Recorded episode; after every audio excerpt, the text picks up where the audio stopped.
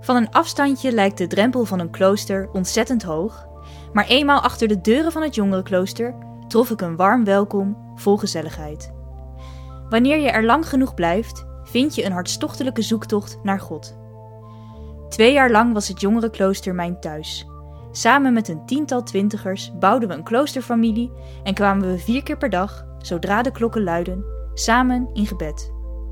Onze week bewoog om de stille structuur van het kloosterleven, één van ziel en één van hart.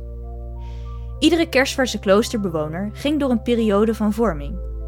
In het jongerenklooster zetten we daar één ochtend in de week voor apart. Dan groeven we, met monnik of non, naar schatten van kloosterwijsheid en reflecteerden we op de kracht van stilte. Zo kwamen we tot de onwaarschijnlijke ontdekking dat het kloosterleven juist voor twintigers toegevoegde waarde heeft. Ik ben Mirjam en samen met Tim nodig ik je uit om één uur in de week apart te zetten om dwars door de wondere wereld van kloosters op zoek te gaan naar God. In deze aflevering gaan we in gesprek over de voordelen van een vaste ruimte om te bidden, een kapel. Daarvoor hebben we het kloosterzusje uitgenodigd die na haar verhuizing als eerste een eigen huiskapel had ingericht. En toen is er volgens mij vrij snel bij jou op je nieuwe plekje een huiskapel gekomen. Vond je dat noodzakelijk om meteen een kapel in je huis te hebben? En waarom een kapel? Heb je je huis uitgezocht op de kapel? Dat is het ook nog, hè? Ja, dat was wel de reden om. eh, Mhm, ja. ja. En toen had ik, omdat ik veel ruimte had, al wel vrij snel het idee, nou dan wil ik ook graag een soort kapel maken. Iets van een stilteplekje in huis. Ja, om toch ook wat mee te nemen van mijn, mijn ervaringen uit het jongerenklooster. Omdat het niet alleen daarbij bleef, maar om het ook mee te nemen als ik verhuisd was. En uiteindelijk ehm, eh, heb ik nu op mijn slaapkamer, een deel van de slaapkamer is eh, mijn eh, huiskapel geworden. Dus ik heb het er echt op ingericht. Nou, welkom bij een nieuwe aflevering van de Jongerenklooster podcast. Eh, vandaag hebben we de illustere titel bedacht Eigen huis, kapel en huiskapel. En gaan we dus eh, kijken naar het belang van eh, een vaste plek om te bidden. Waar een, eh, een kapel of een bidruimte of een gebedshuis eigenlijk allemaal aan moet voldoen. En eh, waarom dat precies handig is. Ja, en eh, wij zitten hier dus eh, vandaag weer in de studeerkamer van Catharines. Deze meneer. Ja, Catharines, Tim en ik. En we hebben ook een gast uitgenodigd, een he- hele speciale gast. Dat is namelijk eh, Talita. Talita is een oud huisgenoot van ons. Wij zouden willen spreken van zuster Talita. Ja, zuster Talita mag dus ook, luistert ze ook naar. Hé, maar Talita, ehm, van wanneer tot wanneer woonde jij eh, ook alweer bij ons in het jongerenklooster? Ja, dat was vanaf het eh, begin, vanaf december 2018. 18, ja. En dan eh, ja, tot juni ongeveer. Het was iets van een half jaar. Ja, dus toch wel een half jaar. Ja, ja. En daarna ben je verhuisd. Je woont nu nog steeds eh, waar je naartoe verhuisd bent toen. In Deventer, in je eigen, eigen appartementje. En eh, daar heb je ook opnieuw een soort gebedsruimte ingericht. Daar gaan we het eh, straks ook nog wel over hebben. Maar misschien gaan we eerst nog even met elkaar terug naar ja, dat, dat fantastische klooster waar we gezeten hebben met het jongerenklooster. Om daarmee eens even te beginnen. Wat voor gebedsruimte hadden we daar nou, eh, hadden we daar nou eigenlijk? Ehm, ja, misschien wil jij daar iets over zeggen, Tim. Want dat was eh, toch wel een van jouw lievelingsplekken in het klooster. waar wij toen met die eerste nou, vijf, zes bewoners van het jongerenklooster zijn begonnen met bidden. Dat was de befaamde Abtskapel. Wil jij daar eh, even een schetsje van, eh, van maken? Nou ja, ik sta wel onbekend dat ik eh, de grootste voorstander ben, denk ik, eh, binnen ons kleine clubje van de Abtskapel.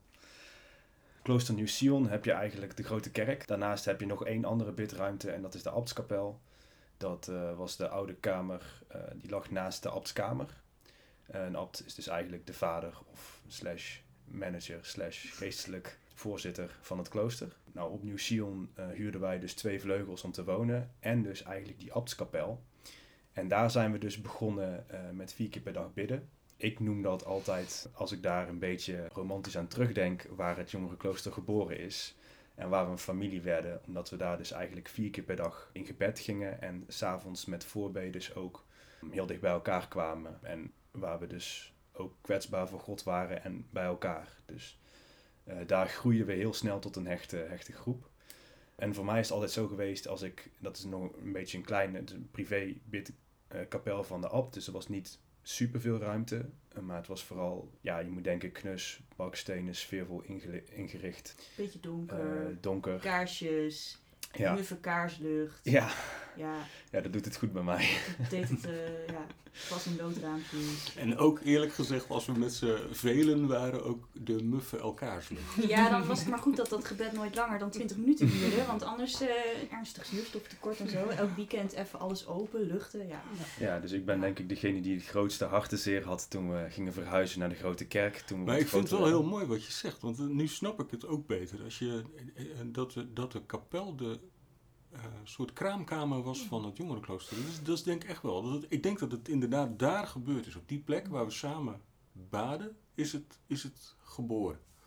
En de plek zorgt ook wel voor een bepaalde intimiteit. Doordat het eh, ja, je zat al best klein wel... is. Het was allemaal nog eh, voor corona en zo. Konden we nog gewoon best wel Ja. dicht op elkaars lip zitten. Niet letterlijk natuurlijk, maar toch wel een beetje. Ja, ja en we hadden natuurlijk ook dat tapijt, hè. Dus dat was er eerst niet. Dat hebben we er toen eh, laten inleggen, volgens mij. En eh, ja, daar konden we dan op zitten, op van die, van die knielbankjes. Waarvan je in het begin denkt, oh my goodness. eh, laat mij toch gewoon lekker op de grond zitten. Hè? Maar niet op zo'n knielbankje. Dat is in het begin heel ongemakkelijk. Want je zit een soort van rechtop, maar dat, ja, ook een soort van niet. En, nou, het houdt een beetje het midden tussen gewoon op de grond zitten en een stoel. En daar dan ergens tussenin ga je dan op zo'n knielbankje zitten. Maar dat is toch ook wel een, eh, een houding van... eh, ja, een beetje een actieve houding ook wel. Dus ja, iets wat je ook een beetje bij de les moet houden. Ehm, het is ook wel eens gebeurd namelijk dat mensen op dat tapijt gingen zitten... en eh, het einde van het gebed, nou ja, niet haalden omdat ze in slaap vielen. dus dat knielbankje had ook echt wel een soort didactische, didactische functie. Nou, Ja. je, je stelt jezelf natuurlijk al op, al soort van kwetsbaar op. Je gaat knielen, dus je houdt al soort van rekening met de aanwezigheid van God. Je steekt al een kaars aan. Ja, je moet je voorstellen, ik kom van een evangelische baptistenachtergrond. Waar ik, waar- waarbij ik sowieso de overtuiging had dat je overal kon bidden. En als je daar een kamer voor in ging richten, dan, eh, dan was je een of andere vage katholiek Hmm. of zo. En nou, ik, ik kwam daar dus en ik kwam dus in een ruimte waar ineens allemaal mensen van mijn leeftijd zich heel erg kwetsbaar opstelden. Kwetsbaarder als dat ik gewend wa- was. En waar dat het dus ook eh, kon. En waar gewoon genoeg liefde was en familie, een familieband was waar dat, dat ook, eh waar je in die kwetsbaarheid ook echt eh, veilig voelde. Dus je komt daar heel snel in een soort van, van familiehouding. Nou ja, en ik dacht ook al van, hm, hm, hm, kaarslicht, eh, moet dat nou? Kunnen we niet gewoon... Nou, en uiteindelijk kom je dan, loop je dan in een... Ja, systeemplafonnetje. Ja, lekker, lekker protestants. Ja. Maar uiteindelijk kom je dan dus zeg maar daarbij nachtgebed binnen. Heeft iedereen een, een, een klein vaccinelichtje, is er een kaarsje, dus je hebt al eh, wat meer soort van sfeer. Dan komt daar dus die kwetsbaarheid en echt iedereen die eh, oprecht op zoek is en kwetsbaar is voor de aanwezigheid van God. En, en voor de aanwezigheid van God in elkaar. En dat maakte een hele grote indruk op mij. En dat maakte me ook dat ik daar heel snel thuis was en veilig was. En als ik dus in de weken daarna niet kon slapen, of wat bij mij nog alles voorkomt, of ehm, nou ja, er, was, ik, er kwam iets bovendrijven, het ging niet zo lekker, dan ging dus ook wel eens gewoon naar die kapel. En voor ik het in de gaten had, was ik daar zelf kaarsen aan het aansteken en aan het knielen, omdat ik wist van, nou ja, ik heb een vaste ruimte om God te zoeken. Ja. Dus iedere keer als ik, we gingen daar sowieso met elkaar vier keer per dag op het ritme van het getijdigbed gingen we daarin. Maar als het met mijzelf niet zo fijn vindt, alsof als ik zeg maar voor mezelf Bijbel ging lezen, dan ging ik daar ook naartoe. Dus uiteindelijk was het gewoon van zodra ik daar over, op de drempels, over de drempel stapte, oh, ik kom nu in de aanwezigheid van God of ik ga nu God zoeken. En dat, eh, niet dat er iets magisch was aan die plek, maar in mijn hoofd was het al de psychologische overtuiging van oké, nu ga ik soort van God zoeken. Dus nu probeer ik mijn hoofd op hem te richten. En dat, En, dan, en dan ga je bijna, ehm, Ja. als de settings eh, die je goed moet zetten, ja, ga je een kaars aansteken en, en, en, en je knielende houding aannemen. Ja.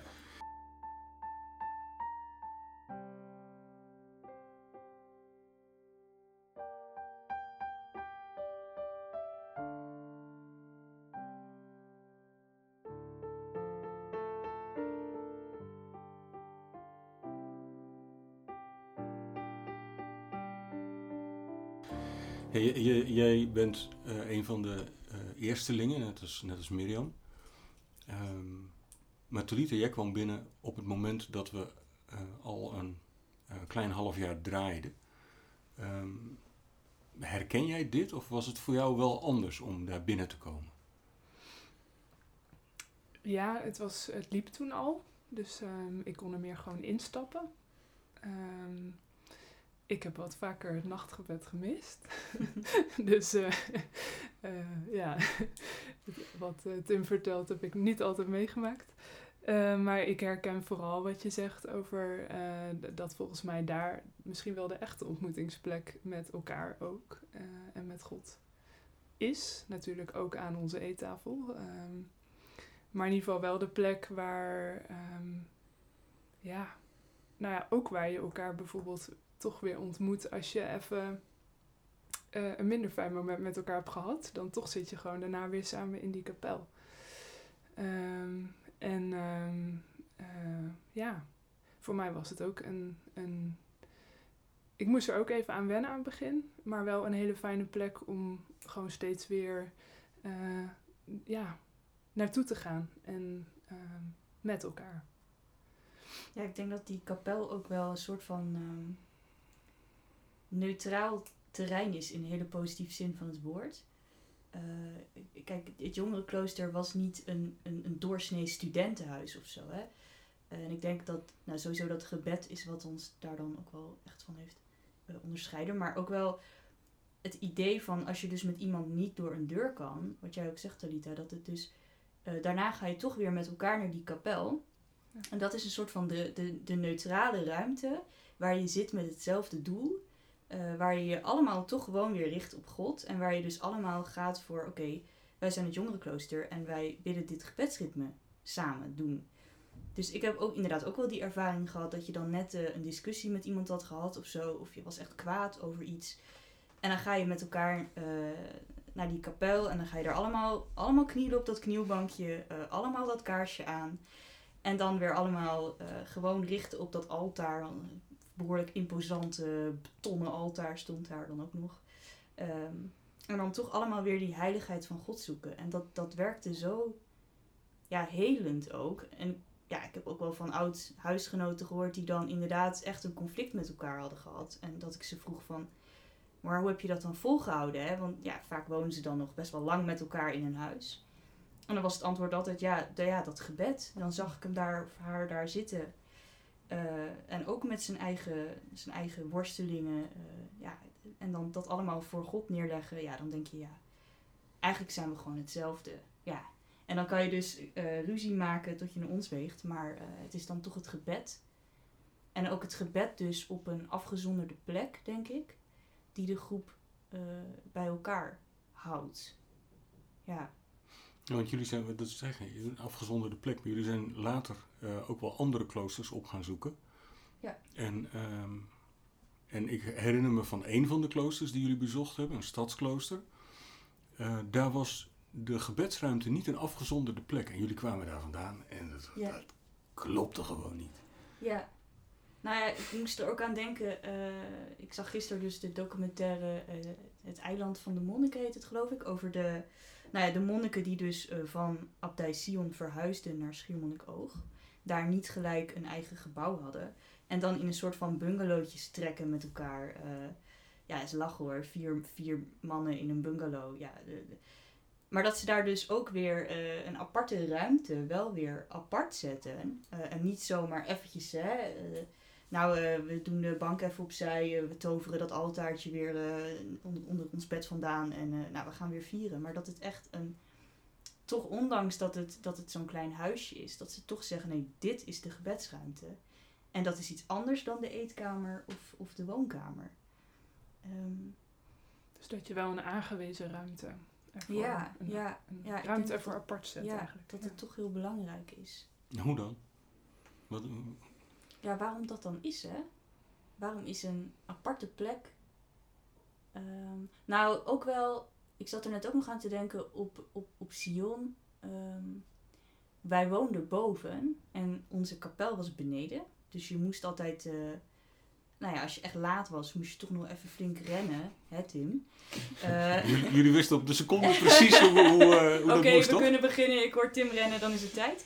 Ja, nee, maar je moest inderdaad een stukje lopen of rennen om, eh, om de gebedsruimte te bereiken. En dat werkte toch ook wel als een soort van. ehm, het is denk ik toch ook belangrijk om, om je hoofd en je lijf vast te richten op, op God. Bro- Ehm, broeder hij noemde mij altijd stevast als ik eraan kwam, kwam rennen, Tim Sprint. ja, Tim Sprint, ja. In, ja, de, in de navolging van blijkbaar een programma wat Tim zingt Ja, maar, Ehm, ja, precies, ja. Ja, maar zelfs dat, dat sprintje van jou kan je toch helpen om je, eh, om je toch alvast mentaal te richten op... Oké, ik stap nu dus even uit mijn dagelijkse ritme, mijn dagelijkse leven, mijn werk, weet ik veel. En ik ga nu naar die kapel en ik ga daar zitten en ik ga mij richten op wat echt Hmm. belangrijk is, namelijk God. Ik vond het ook altijd heel relativerend. Net alsof het Ja. camerastandpunt eh wijst. Wa- Want als je, ehm, als je een meningsverschil hebt en jij vindt dat jij gelijk hebt, dan probeer je jezelf altijd wat groter te maken dan de ander, omdat jij gelijk hebt. En, en dat, en dat ehm, eh, jezelf groter maken, eh, eh, dat, dat, dat kan je zolang de camera op ooghoogte staat.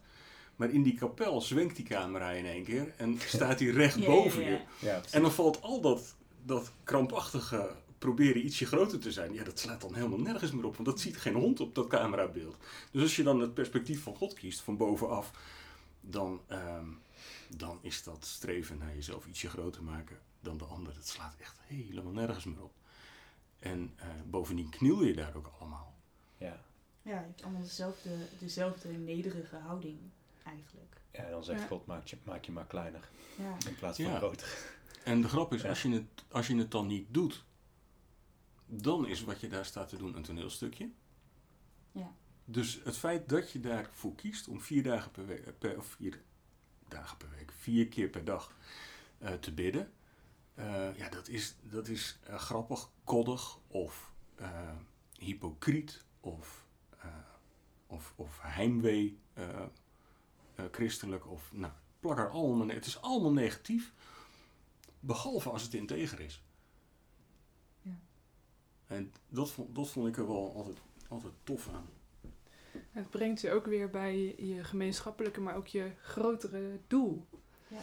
Omdat je eh, dat gebed dan eigenlijk als, nou ja, boven dat, eh, de situatie of het conflict eh uittilt. Ja, en ik denk dat het daarom dus ook belangrijk is dat het een andere ruimte is dan de woonkamer. Of zo, hè? Dat, want de woonkamer, dat is waar, waar, waar je zo'n conflict zich gaat afspelen. Eh, dat gebeurt in, in die ruimtes. En in zo'n aparte gebedsruimte is er gewoon geen, geen plek voor dat soort eh, wie is er hoger, eh, wie is er beter dan de ander, hè? wie heeft er gelijk. Dat, dat speelt daar geen rol. Ja, het is, een, het is een soort, ja, toch een soort niemandsland of zo, maar dan, maar dan ja, met, met God bovenaan. Ja, waar iedereen een soort van gelijk wordt. En waar die gemeenschap dus ook eh, kan groeien. Ik denk, ook dat daarom die abtskapel zo belangrijk was als kraamkamer voor het jongerenklooster. Als we dat in de woonkamer hadden gedaan, had je een heel ander effect gehad, denk ik.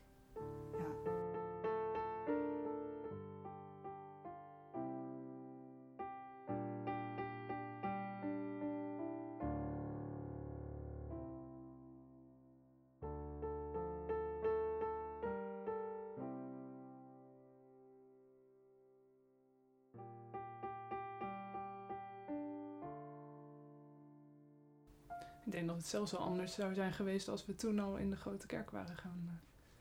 Ja, want wanneer zijn we ook weer in die kerk? Jij was toen, Ik was er al een tijdje, dus eh, ja, dus in de zomer van 2019. zoiets. Toen Ja. jij waarschijnlijk net weg was, toen zijn we overgestapt van de Abtskapel, wat dus een hele kleine 20 vierkante meter eh, ruimte was. Lekker donker, met tapijt, et cetera. Ehm, Intiem, huiselijk. intiem. Ja. Een soort huiskapel. Warm. Zijn we, Warm. Ja, warm. Ook heel belangrijk. Als je ooit een kapel wil beginnen, op wat voor manier dan ook, zorg dat het warm is. Ehm, want dat kon je niet zeggen van de grote kerk, waar we daarna dus eh, gingen vieren. Maar de kloosterkerk was eh, ja, hoog, imposant, enorm, enorme glas in loodramen waar je dan 's ochtends bij het ochtendgebed de zon door kon zien opgaan. Hartstikke mooi. Je had akoestiek, In die kerk. Echt. leken we wel een koor. We, leken, we leken wel een, een professioneel kerkkoor. Eh, je hoefde maar een, een nootje in te zetten, eh, heel zacht. En dan woesh, door die akoestiek werd dat dan helemaal zo door die kerk gelanceerd. Ja, dat was wel even andere koek dan, ehm, dan de Abtskapel. Dus we zijn er ook anders gaan zingen, toch? Ik bedoel, eh, langzamer en zo. Want anders krijg je dat met die echo niet, eh, niet goed voor elkaar. Ja, maar misschien ook wel andere stijl. Psalmen reciteren en zo zijn we toen ook pas gaan doen. Ja, Je had een stuk meer eh, vergevende akoestiek. Ehm, en, Zo kan het ook zeggen, ehm, eh, ja, ja. en je had, nou voor mij is dat vooral heel fijn. ja, dus toen gingen we naar de grote kapel, maar uiteindelijk gingen we, nou ja, zuster Talita, jij bent ongeveer de eerste die vertrok is uit het jongerenklooster. En toen is er volgens mij vrij snel bij jou op je nieuwe plekje een huiskapel gekomen. Vond je dat noodzakelijk om meteen een kapel in je huis te hebben? En waarom een kapel? heb je je huis uitgezocht op de kapel? Dat nog, hè? Ja. dat was wel de reden om... eh, Mhm, ja. ja. Ehm, ja, nee, ik heb de luxe gehad dat ik een wat groter huis kreeg dan waar ik naar op zoek was. Daar had ik dus meerdere ruimtes. Eh, en toen had ik, omdat ik veel ruimte had, al wel vrij snel het idee, nou dan wil ik ook graag een soort kapel maken. Iets van een stilteplekje in huis. Ehm, ja, om toch ook wat mee te nemen van mijn, ja, mijn ervaringen uit het jongerenklooster. Om, eh, dat het niet alleen daarbij bleef, maar om het ook mee te nemen als ik verhuisd was. En eh, in eerste instantie was ik van plan om, om nou, een klein kamertje daar apart eh, voor in te richten. En uiteindelijk ehm, eh, heb ik nu op mijn slaapkamer, een deel van de slaapkamer is mijn huiskapel geworden. Dus ik heb het er echt op ingericht. En nou, dat zegt wel ook iets over dat ik het belangrijk vond om daar letterlijk een plek aan te geven, ook in mijn huis. En hoe doe je dat? Hoe richt je dat dan in? Ja, nou, daar zijn denk ik geen eh, eh, gouden regels voor. Maar ehm, bij mij eh, is het eigenlijk deels uit toevalligheid ontstaan. Ik ging naar de kringloop omdat ik een, eh, graag een, een kastje voor in mijn woonkamer wou. En toen eh, vond ik een ander mooi, ja, hoe zal ik het noemen? Het is een meer een soort tafel. TV-meubel. Ja, Ja. ja. Eh, dus die was ook bedoeld voor in de woonkamer. En eh, nou, die heeft daar twee dagen gestaan. En toen vond ik hem daar niet op zijn plek. En toen eh, had ik ineens de ingeving van, nou, misschien moet hij eh, naar mijn slaapkamer. Eh, en toen stond hij daar. En toen wist ik ineens, dit is mijn eh, altaar, of hoe je het noemen wil. En hij heeft heel handig twee van die laadjes. Dus daar heb ik ook nog mijn, nou ja, mijn, mijn bundel, liturgiebundel en zo in zitten. Ehm, dus dat is wel handig om iets van een tafel of een, iets als altaar neer te zetten. Ehm, en eh, voor mij eh, is in ieder geval een kaars belangrijk eh, om aan te kunnen steken. Ik heb hem verder vrij sober ingericht eigenlijk. Ehm, ik heb een kruisje aan de muur hangen. En ehm, nou, mijn Bijbel ligt er, omdat ik vaak wel een Bijbeltekst ook lees als ik daar zit. En toen merkte ik dat het voor mij een beetje te kaal was. dat ik toch ook wel graag nog iets van een beeld of een icoon of zo wilde. Dus uiteindelijk heb ik nu een, eh, een, een afbeelding. Eigenlijk, ja, het is niet helemaal een icoon, maar een soort icoon. En dat, ehm, nou, dat helpt voor mij ook als mijn gedachten alle kanten op gaan om dan even iets te hebben om je eh, op te kunnen richten. En je zei net van, nou, hij staat in mijn slaapkamer. Ja. Heb je daar nog over nagedacht? Nou, waarom niet in de keuken of de woonkamer of de gang? Ik noem maar wat. Serre, balkon. Eh, heb, je, heb je een reden waarom het de slaapkamer is geworden? Ehm, ja, nou volgens mij wel deels gewoon praktisch, maar ik merk dat het wel helpt, omdat ik in de ochtend als ik mijn bed uitkom er naartoe ga. Dan rol je er bijna En, op. en ja. als ik s'avonds, eh voordat ik mijn bed inga, kom ik er ook weer langs. Ja. Dus het is wel, ehm, het is helpend dat het wel bij elkaar zit. Ja. ja. Ja, want eh, jouw gebedsritme bestaat nu dus uit je ochtendgebed en dan s'avonds een avondgebed. Meestal wel, ja. Ja, ja ik kan me wel voorstellen dat eh, het- nou ja, qua discipline. Ik bedoel, je moet het wel helemaal alleen doen eigenlijk. Ik bedoel, jij hebt niet de gemeenschap eh, van, nou ja, die je dan even naar dat gebed trekt. Ik kan me wel voorstellen dat het dan helpt eh, om die plek zo naast je bed te hebben van, nou oké, ik, ik- ja, eh, Ja, alleen wat je zegt, ik ben het er niet helemaal mee eens, want ik kan het, ik, ik kan het nog steeds niet alleen doen. Ik heb wel nog steeds de gemeenschap eh, nodig. Dus ook al is het nu niet fysiek het samen eh, zijn, Ja. Ehm, als ik het echt helemaal alleen zou doen, zou ik het niet volhouden. ondanks dus dat de gemeenschap niet in je huis is. Heb je wel een gemeenschap heb je nodig? wel een gemeenschap ik wel in ieder geval een gemeenschap eh, nodig. Ja. Hoe werkt dat Ja. dan in je hoofd? Ehm, Ik denk dat ik het wel herken, maar ik, Ja, nou ja, voor mij ehm, helpt het heel erg. Aan het begin, toen ik net uit Sion weg was, toen woonden jullie natuurlijk verder er nog wel. Ehm, dus toen heb ik het wel een tijdje, eh, ja, daar wat meer mijn eigen weg in moeten vinden. Van hoe doe ik dat nou als ik thuis zit. Toen kon ik nog op mijn fietsje stappen en dan ehm, bij jullie even aanhaken in de viering eh, bij de maaltijd. Ehm, dus toen heb ik daarin ook wel ervaren van ik heb dat nodig om wel ook eh, ja, gewoon weer even aan te mogen sluiten. En bij mij gaat het ook niet altijd allemaal vanzelf eh, om weer naar dat gebed te gaan. En ehm, dan uiteindelijk met alleen een verlangen en discipline red je het nog niet. Dus ehm, voor mij helpt het nu dat wij op maandagavond nog steeds ons gezamenlijke gebed hebben. Maar zelfs ook dat we een gezamenlijk leesrooster hebben. Want ehm, eigenlijk al het weten dat ik niet de enige ben die bijvoorbeeld die psalm op die dag leest. Ook al leest iemand anders en misschien op een ander tijdstip of zo, dat maakt niet uit. Maar dat geeft wel al een bepaalde verbondenheid en ehm, nou ook letterlijk een gevoel van het niet helemaal alleen hoeven doen. Ja. Ehm, dus ik weet wel dat eh, ik altijd een vorm van gemeenschap nodig zal hebben eh, om dit zelf te kunnen blijven doen. ja. Dus Ja, ik, eigenlijk- ik ja. herken dat. Ik heb, wij zitten nu in mijn studeerkamer. En eh, daar heb ik mijn huiskapel ingericht. Dus ik herken heel veel van wat je zegt. Ook dat je eh, de voorkeur voor je slaapkamer. Hm. Dus eh, voor, voor mij, ik moet deze plek echt heel bewust opzoeken. eh, als ik wil gaan bidden. En ik vind het heerlijk. Het voordeel is dus dat als ik aan het werk ben. En het is 12 uur. Hm. Dan, eh, dan, dan kan ik mijn gebed doen. En voordat ik aan het werk ga ook. Dan is, dan is Albert, mijn zoon, naar school. En dan, dan begin ik aan mijn werkdag. En dan begin ik gewoon hier met gebed. Dus dat, dat is dan het voordeel. Maar s'avonds, dat valt vaak in het water. Want dan zitten we eh, beneden, een spelletje gedaan. En dan gaan we met z'n allen eh, eh, naar boven. En ja, via de douche naar de slaapkamers. En dan Kom je Oh, oh ja. Ja. Weet je wel? En dan, en dan heb, je, heb je dus niet die natuurlijke route naar je, naar je plek van gebed.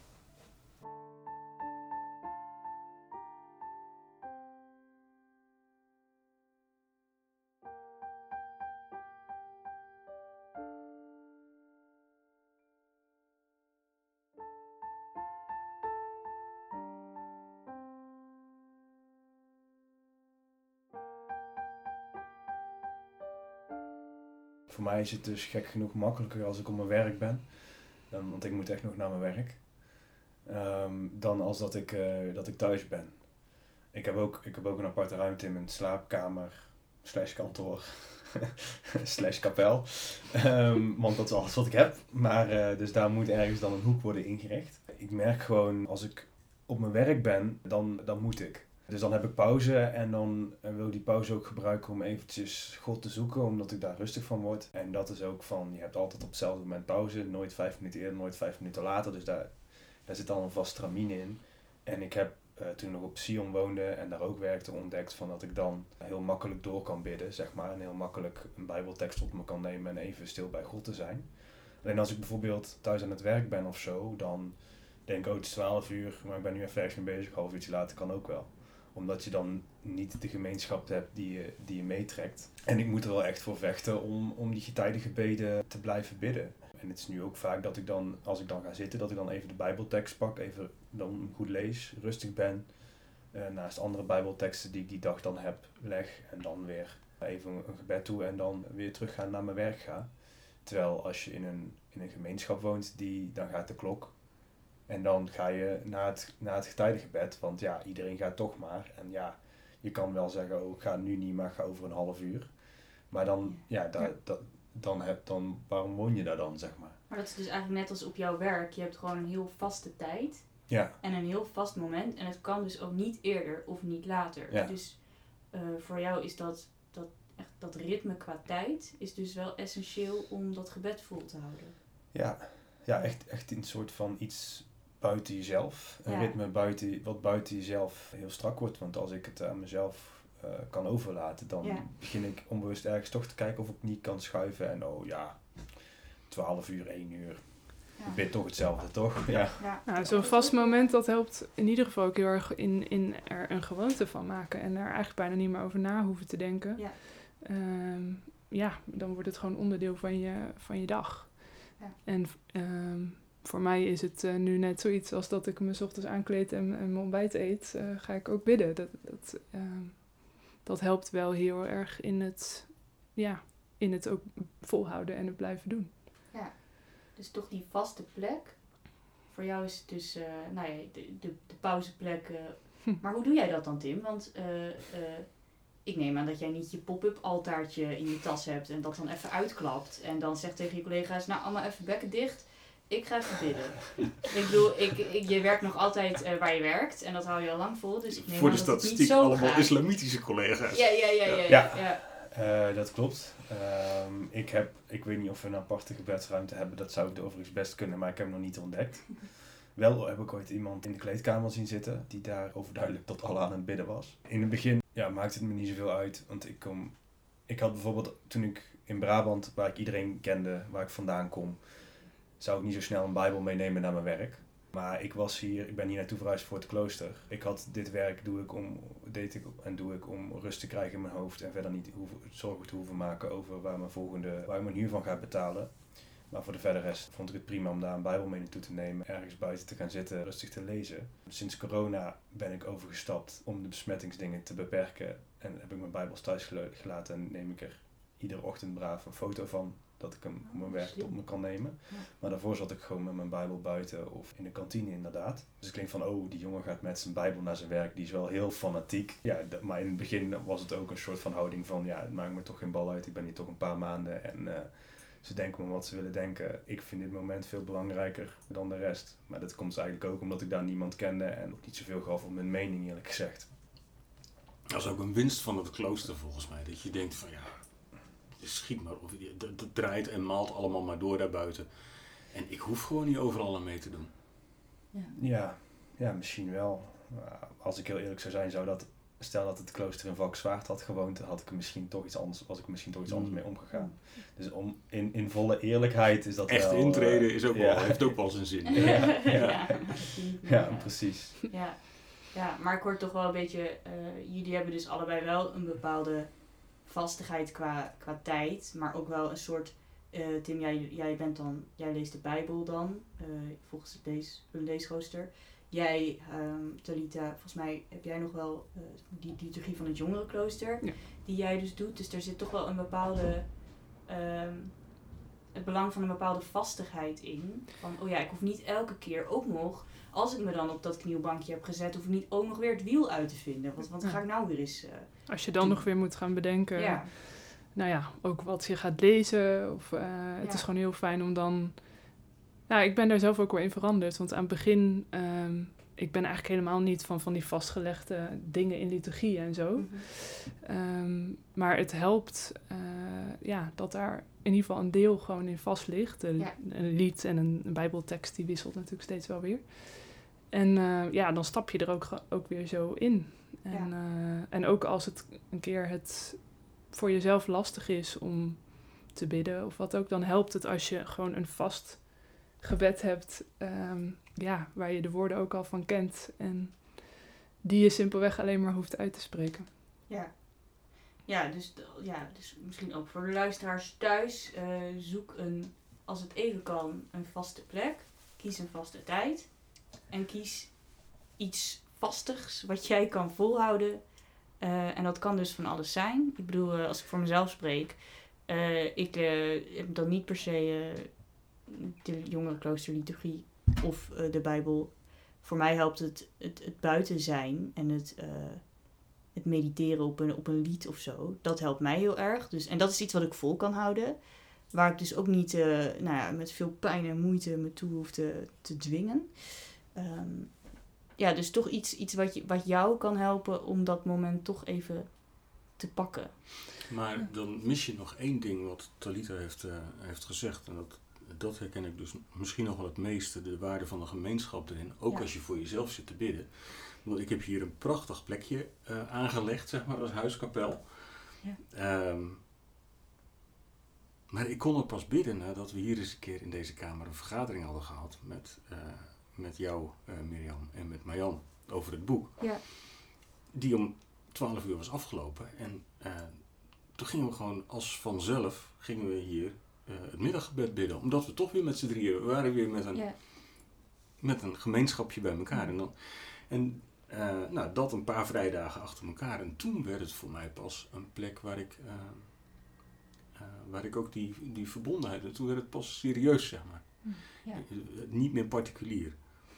En ik zit me af te vragen hoe, we, hoe als je nu thuis zit te luisteren, hoe je, hoe je dat gevoel eh, kan krijgen. Dat je ergens bij verbonden bent.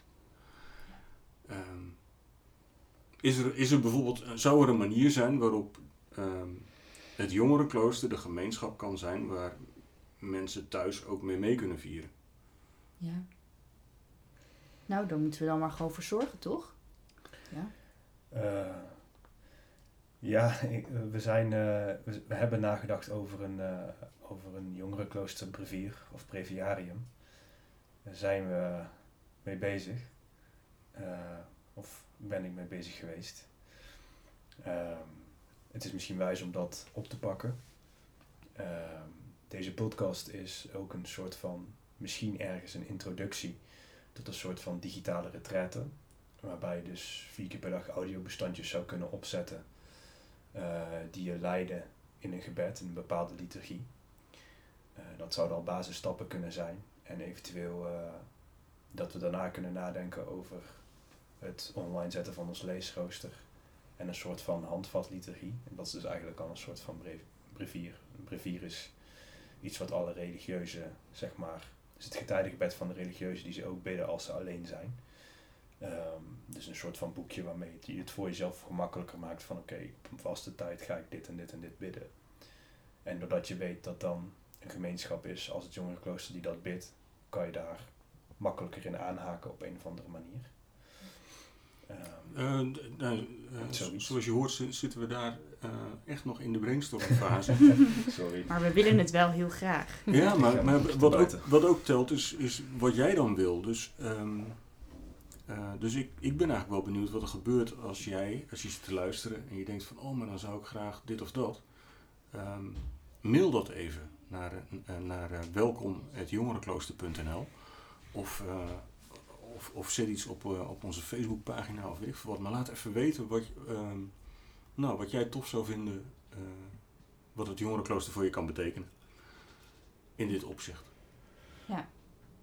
Nou ja, ik denk dat dat, dat creëren van een vaste plek thuis, dat dat een beetje, ja, dat verschilt zo per persoon.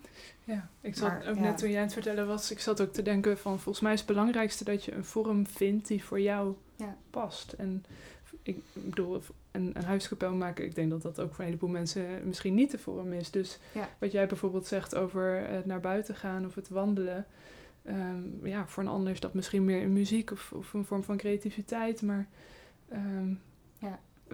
Ja, vind vooral je eigen vorm die past. En geef daar wel op een manier een plek aan in je leven. Ehm, ja, omdat in ieder geval bij mij de ervaring is dat anders in de dagelijkse tactiek eh, er genoeg andere dingen zijn die, eh, die Ja. om tijd en aandacht vragen. Ja, Dus iets van de, de, in ieder geval een vast moment. Misschien is het nog niet eens altijd diezelfde plek, maar ja, een, Ja. Een, iets van vastigheid. En dan inderdaad ga op zoek naar een gemeenschap, op wat voor manier dan ook, die jou kan helpen om dat ritme vol te houden. ja, het kan misschien ook al gewoon één vriendin zijn of een vriend zijn. Ja. Met wie je samen gaat wandelen of met wie je, ja, Een soort van small group. Ja, of nou in elk geval een soort. eh, je kan natuurlijk een, ja, je kloosterbroeders en zusters op afstand hebben. Dat hebben wij natuurlijk ook. eh, dat iedereen apart woont, maar je hebt nog wel dat gevoel van een gemeenschap. En af en toe zoek je elkaar op, al dan niet digitaal, om te bidden. Eh, en dat houd je dan toch eh, ook weer aan jouw eigen ritme. Dat geeft dan toch weer een soort impuls aan van, ja, waarom doe ik het eigenlijk? En waarom heb ik dit eigenlijk nodig? Ja, Een soort van vaste structuur. Een plek waar je een vaste structuur kan Ja. eh, maken. eh, waar je thuis bent en, en makkelijk kwetsbaar kan zijn.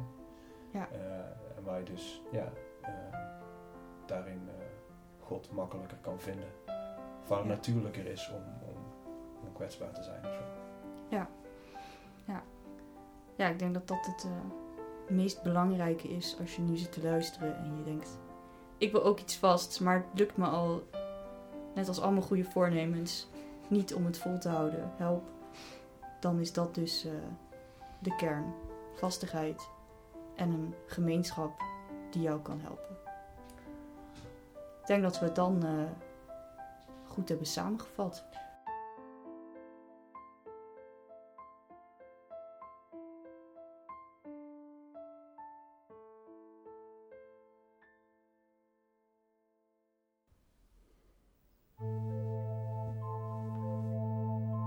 Dank voor het luisteren naar deze aflevering van de Jongerenklooster podcast. Met muziek en composities van broeder Hein. De staart van dit gesprek over de toegevoegde waarde van een vaste bidruimte is niet in deze aflevering opgenomen, maar komt als extra aflevering maandag op tweede Pinksterdag online. In het licht van aankomende ontwikkelingen binnen het Jongerenklooster leek het ons goed om daar vast naar vooruit te wijzen door het gesprek te vervolgen en naar de toekomst te kijken. Zuster Talita en zuster Mirjam zijn namelijk betrokken bij de zoektocht naar een nieuw huis voor het jongerenklooster. En broeder Catharines en ik zien onze kans schoon om deze podcast als excuus te gebruiken. Om deze zusters naar het achterste van hun tong te vragen over dit ongrijpbare proces. Want waar let je dan op? Waar moet een gebouw aan voldoen? En wat kunnen wij daarvan leren als we onze eigen huiskapellen bouwen en inrichten? Dit en meer in een extra korte aflevering op maandag. Volgende week vervolgen we onze serie over de motor van ieder kloosterleven, het getijdengebed. Deze keer gaan we kijken naar de liturgie van een getijdengebed met een bijzondere gast, Christian Winter.